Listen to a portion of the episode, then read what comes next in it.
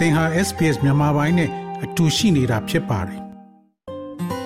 SBS မြန်မာပိုင်းကို အင်ကာနဲ့စနေနေ့ည10:00နာရီမှနားဆင်နိုင်တယ်လို့အွန်လိုင်းကနေလည်းအချိန်မီနားဆင်နိုင်ပါပြီ။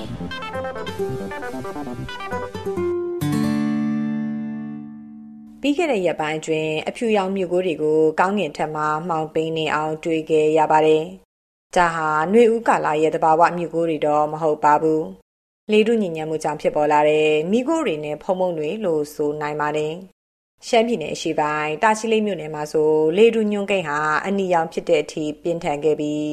ဒေသခံတွေဟာအသက်ရှူလမ်းကြောင်းနဲ့ဆိုင်တဲ့ယောဂတွေကိုပြင်းပြင်းထန်ထန်ခံစားခဲ့ရပါတယ်။ဒီလိုအခြေအနေတွေဟာຫນွေဦးရာသီရောက်တိုင်းဖြစ်လေဖြစ်တာရှိပေမဲ့လေထုညဉ့်ညမ်းမှုနဲ့ဆိုင်တဲ့ထိရောက်တဲ့ကာကွယ်မှုတွေကတော့အလံဝေနေစေပါ။ ကမ္ဘာ့ကျန်းမာရေးအဖွဲ့ WHO ရဲ့ထုတ်ပြန်ချက်အရကမ္ဘာတဝန်းမှာနှစ်စဉ်လူ9တန်းကျော်ဟာ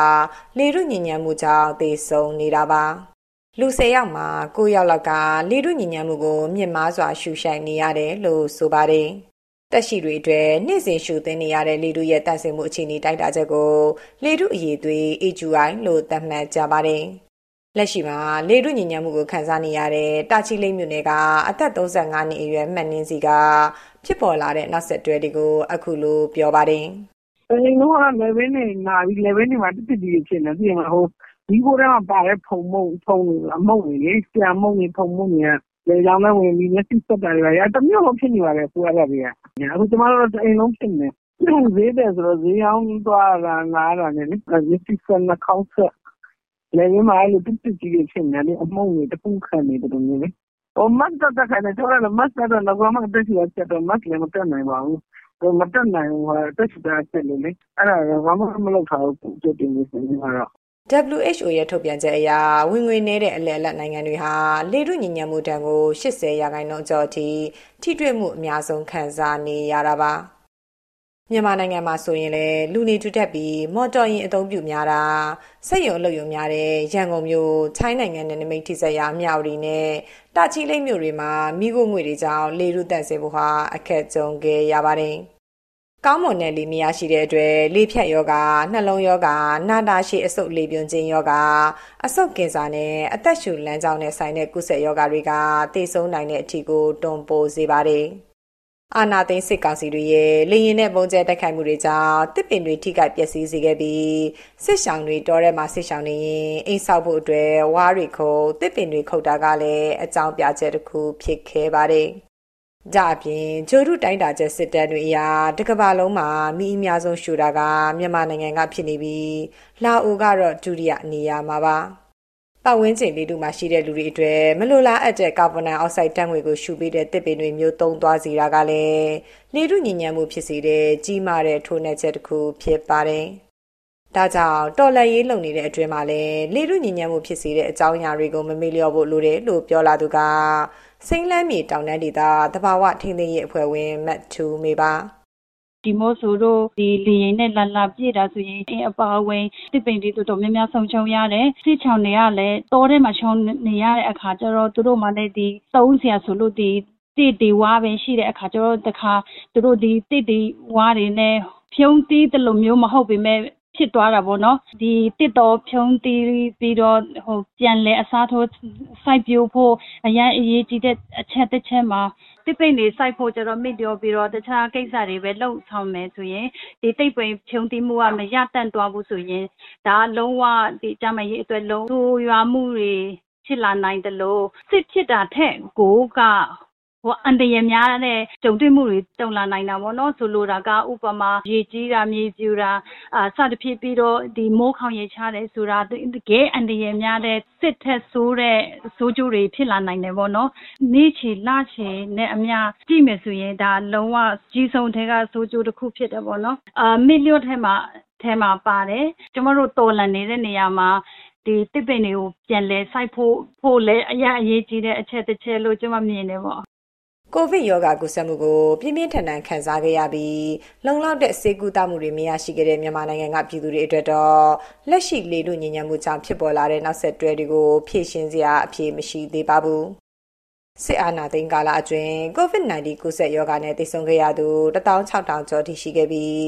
ဒီရေအတွက်ဟာအာဏာမသိမ်းမီနဲ့ရှင်ရင်6ဆအထိမြင့်တက်နေတာဖြစ်တယ်လို့မြန်မာမဟာဗျူဟာနဲ့မူဝါဒလိလာရေး Institute ကထုတ်ပြန်ထားပါတယ်။ လေထုညဉ့်ညံမှုကိုရေရှည်ထိတွေ့ခန်းစားရသူတွေအတွက် COVID-19 ကူးစက်မှုတွေကိုပိုဖြစ်စေပြီးသေဆုံးနိုင်ခြေတိုးမြင့်စေတယ်လို့သုတေသနပြုချက်တွေအရသိရပါတယ်။ကျန်းမာရေးစောင့်ရှောက်မှုတွေပေးတဲ့ဆီယံဝင်45ရာခိုင်နှုန်းကစီဒီယန်ပြုတ်လုနေတာကြောင့်ပြည်သူတွေအတွက်ကောင်းမွန်တဲ့ကျန်းမာရေးအသည့်တွေဟာလည်းလက်လန်းမမီခဲ့ပါဘူး ဒီလိုမျိုးလက်တွေမှာ COVID-19 ရောဂါလက္ခဏာတွေနဲ့လေတွညဉ့်ညံ့မှုတွေကြောင့်ဖြစ်လာတဲ့အသက်ရှူလမ်းကြောင်းဆိုင်ရာထိခိုက်မှုတွေကိုပြည်သူတွေခံစားနေကြရပေမဲ့ကြိုတင်ကာကွယ်ခြင်းနဲ့အသိပညာအချက်အလက်ရရှိမှုတွေကဝေကွာနေပါတယ်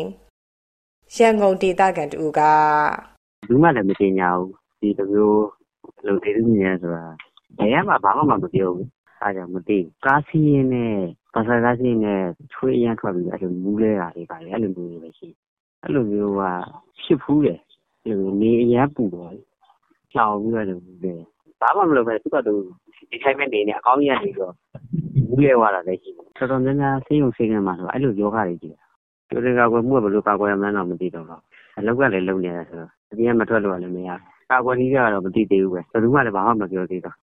လေထုညဉ့်ညံ့မှုရဲ့ ဘေးထွက်ဆိုးကျိုးတွေက လူတွေပေါ်တာမကပဲဂေဟစနစ်တစ်ခုလုံးမှာရှိတဲ့ အပင်တရိษံပတ်ဝန်းကျင် အကုန်လုံးပေါ်တက်ရောက်မှုရှိတာပါအဆစ်မိုးတွေ ရွာကြတဲ့အပြင်တီးနှံအထွက်နေပြီး အပင်တွေ မရှင်သန်နိုင်တော့တဲ့အထိ ပြင်းထန်တဲ့အကျိုးဆက်တွေကို ဖြစ်ပေါ်စေပါတယ်။ WHO က သတ်မှတ်ထားတဲ့ လေထုညဉ့်ညံ့ဆုံး35နိုင်ငံနဲ့2022ခုနှစ်မှာ မြန်မာနိုင်ငံက အဆင့်24နေရာမှာ ရှိနေတာပါ လေထုအရေးသွေးတိုက်တာရမှာလဲအစိမ်းရောင်အဝါရောင်လိမ္မော်ရောင်အနီရောင်ခရမ်းရောင်နဲ့လေထုညဉ့်ညံ့မှုအမြင့်ဆုံးနီညိုရောင်ဆိုပြီး6မျိုးခွဲခြားလေးရှိပါတယ်ဒီလိုလေထုညဉ့်ညံ့မှုတွေကနေပြန်လည်အဖက်ဆင်နိုင်ဖို့ဆိုတာတက်ကြွတဲ့ပညာရှင်တွေဦးဆောင်ပြီးအသင်းဖွဲ့အစိုးရကနေတစဉ်ပတ်ဝန်းကျင်ထိန်းသိမ်းရေးနဲ့ကာကွယ်ဆောင်ရှောက်မှုအတွက်ဥပဒေမူဝါဒတွေချမှတ်ကာကင်တွယ်ဖြည့်ရှင်းဖို့လိုတယ်လို့စေပညာအတိုင်းဝိုင်းကမှတ်ချက်ပြုကြပါတယ်။ ကြပေမဲ့အာနာသိန်းကာလအတွင်းခန္ဓာပေါင်းစုံကအဖွဲ့အစည်းတွေရဲ့လွတ်လပ်စွာဆောင်ရွက်ခွင့်တွေနဲ့လှုပ်ရှားခွင့်တွေဟာချင်းချောက်ခံနေကြရပြီးတဘာဝပတ်ဝန်းကျင်အရေးလှုပ်ရှားနေတဲ့သူတွေကိုယ်တိုင်တဘာဝလောကကြီးပျက်စီးနေမှုကို မျက်စိစုံမိတ်မသိသလိုနေနေရတယ်လို့ဆိုပါတယ်။ Save the Tree အဖွဲ့ဥက္ကဋ္ဌဦးကျော်စီရကတော့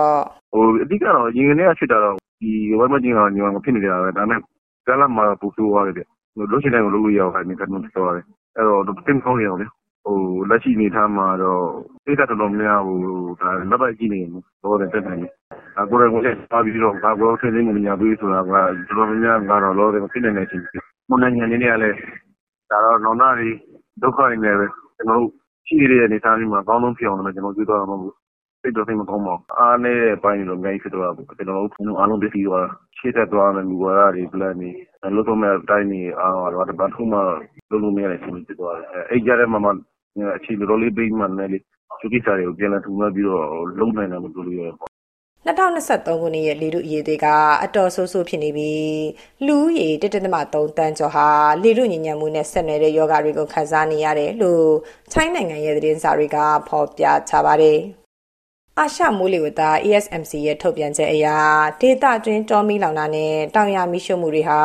ထိုင်းနိုင်ငံကပုံမလှုပ်ဆောင်နေတာဖြစ်တယ်လို့ဆိုထားပါတယ်။ပြီးခဲ့တဲ့ရက်ပိုင်းအတွင်းကလည်းထိုင်းနိုင်ငံမြောက်ဘက်ခြမ်းမှာလေထုညဉ့်ညံ့မှုညွှန်ကိန်းတွေကအနီရောင်စင်တီရက်အတော်ကြာမြင့်တက်ခဲ့ပြီးကျောင်းတွေပါပိတ်ရတဲ့အထိပြင်းထန်ခဲ့ပါတယ်။ ဒါပေမဲ့လေထုညဉ့်ညံ့မှုကိုတိုင်းတာဖို့မြို့တွေမှာတိုင်းတာရေးစကန်တွေထားရှိပြီးနေ့စဉ်နဲ့များထုတ်ပြန်ချက်တွေထုတ်ကစောင်းရန်ဆောင်ရန်တွေကိုပါထိုင်းအာဏာပိုင်တွေကပြောပြနေတာပါ။လူနေထူထပ်တဲ့နေရာတွေမှာရင်ငွေ့လွတ်ဆက်တွေထားပြီးအယမ်းပူတဲ့နေရာမျိုးတွေမှာမိုးအတူတွေရွာသွန်းစေခဲ့ကလေထုညဉ့်ညံ့မှုလျော့ပါသွားအောင်ပြုလုပ်ခဲ့ပါတယ်။ အာနာသိန်းစစ်ကောင်စီအနေနဲ့တော့လက်ရှိမြန်မာနိုင်ငံတွင်းကဖြစ်နေတဲ့လေထုညဉ့်ညံ့မှုနဲ့ပတ်သက်ပြီးတိကျတဲ့ဥပဒေတွေနဲ့ဖြည့်ရော့စေဖို့ညွှန်ကြားချက်တစုံတရာထုတ်ပြန်ထားတာမရှိသေးပါဘူး။ပြည်သူလူထုတွေစီလေထုညဉ့်ညံ့မှုနဲ့ပတ်သက်ပြီးထိရောက်တဲ့လှုပ်ဆောင်ချက်တွေမပေးနိုင်ပေမဲ့တကူရည်စာကာဝယ်ဖို့လှုပ်ဆောင်တဲ့အကြောင်းကိုတော့ဆရာဝန်တူကအခုလိုအကြံပြုပါတယ်။လေ ထုညဉ့်တဲ့အတွက်ကောင်းလာတဲ့တက်လာတဲ့ပုံရင်းကြီးပူနေလာပေါ့ကဘာကြီးပူနေလာအဲ့ဒီအဲ့ဒီအဆင့်ထိသွားတာပေါ့နော်ဒီအများစုအနေနဲ့ကတော့နေပြီးနေနေလို့အမထွေထူးဖြစ်နေလာပြီးတော့ဘာမှမရှိဘူး။တက်မှရဖြစ်တယ်ဘာမှမဖြစ်ဘူးနဲ့ဒါနဲ့ချားဟိုပေါ့နေပြီးနေနေနည်းနည်းလေးလေထဲမှာအပုံလေးမှွားလေးနည်းနည်းပါနေရောဂါဖြစ်နိုင်တဲ့လူတွေရှိတယ်။ဒီလူတွေဆိုအဆိုရောဂါရှိတဲ့လူတွေမနှင်းရောဂါရှိတဲ့လူတွေနာတာရှိရောဂါရှိတဲ့လူတွေဖြစ်ရင်ကလေးတငယ်လေးတွေနဲ့အသက်ကြီးတဲ့အကြီးတွေပေါ့နော်။သူတွေကကြတော့ ကျွန်တော်တို့ဒီလိုချမှတ်ပေးထားတာသူတို့ရပြီးတော့ခံရနိုင်တယ်။အချို့ရိုးရတာယောဂါကြီးရိုးရတာကိုအင်္ဂါမပြည့်စုံတာတွေကိုလည်းအိမ်ဒီဒီမြင်နေတာဖြစ်တယ်ဆိုပြီးတော့ဒီလိုဉာဏ်ရှင်တွေကနှမ်းစာထားရပေါ့နော်ယောဂဖြစ်တဲ့အပြင်ကိုတလိတလုပ်ငန်းတွေလည်းထိခိုက်တယ်မျိုးစီးပွားရေးတွေကထိခိုက်နိုင်တယ်ပြောတာပြင်ထိုင်တစ်ခေါက်ထိတက်ရမယ်ဒီနေ့တကားကြီးလုံးဝပိတ်ပေးသက်ဆက်ခဲ့အမို့တဲ့အာဒီသက်ဆက်မရှိအကုန်မရှိဆိုလို့ရှိရင်လည်းအိမ်လေးတွေဉာဏ်နေရဆိုလို့ရှိရင်ဒီနေ့တကားအကုန်လုံးဖွင့်ထားဒါလည်းလုပ်ရမယ် အဲ့တော့လေ့ကျင့်ရလို့တဲ့အချိန် short ဆိုတဲ့အင်းရင်ထွက်ခိုင်းတာပေါ့နော် ကားတွေပါထွက်တဲ့အချိန် မဟုတ်တဲ့အချိန်ပေါ့နော် မနေ့စော ဒီလိုတန်တန်ရှင်းတဲ့အချိန်မှာ လေ့ကျင့်ရထွက်လို့မချုပ်တာလို့လုပ်လို့ရတယ်ပေါ့ ပြီးတော့ အိမ်ထဲမှာရှင်စီအမွေတိုင်းမိသွေးမိဘူးဒါတွေ မသုံး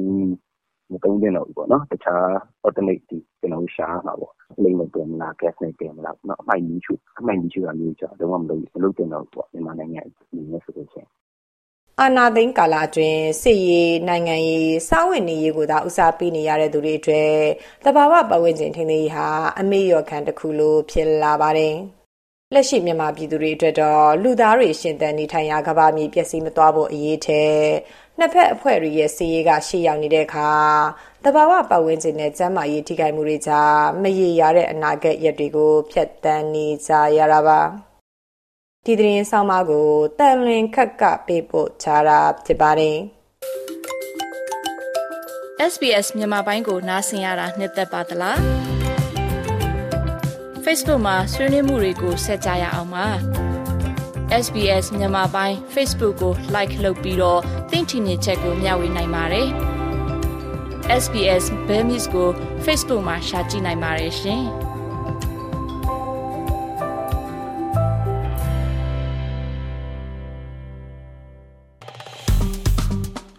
SPS မြန်မာပိုင်းကို Facebook ပေါ်မှာ like ရှာပြီး like မျှဝေမှတ်ချက်ပေးပါ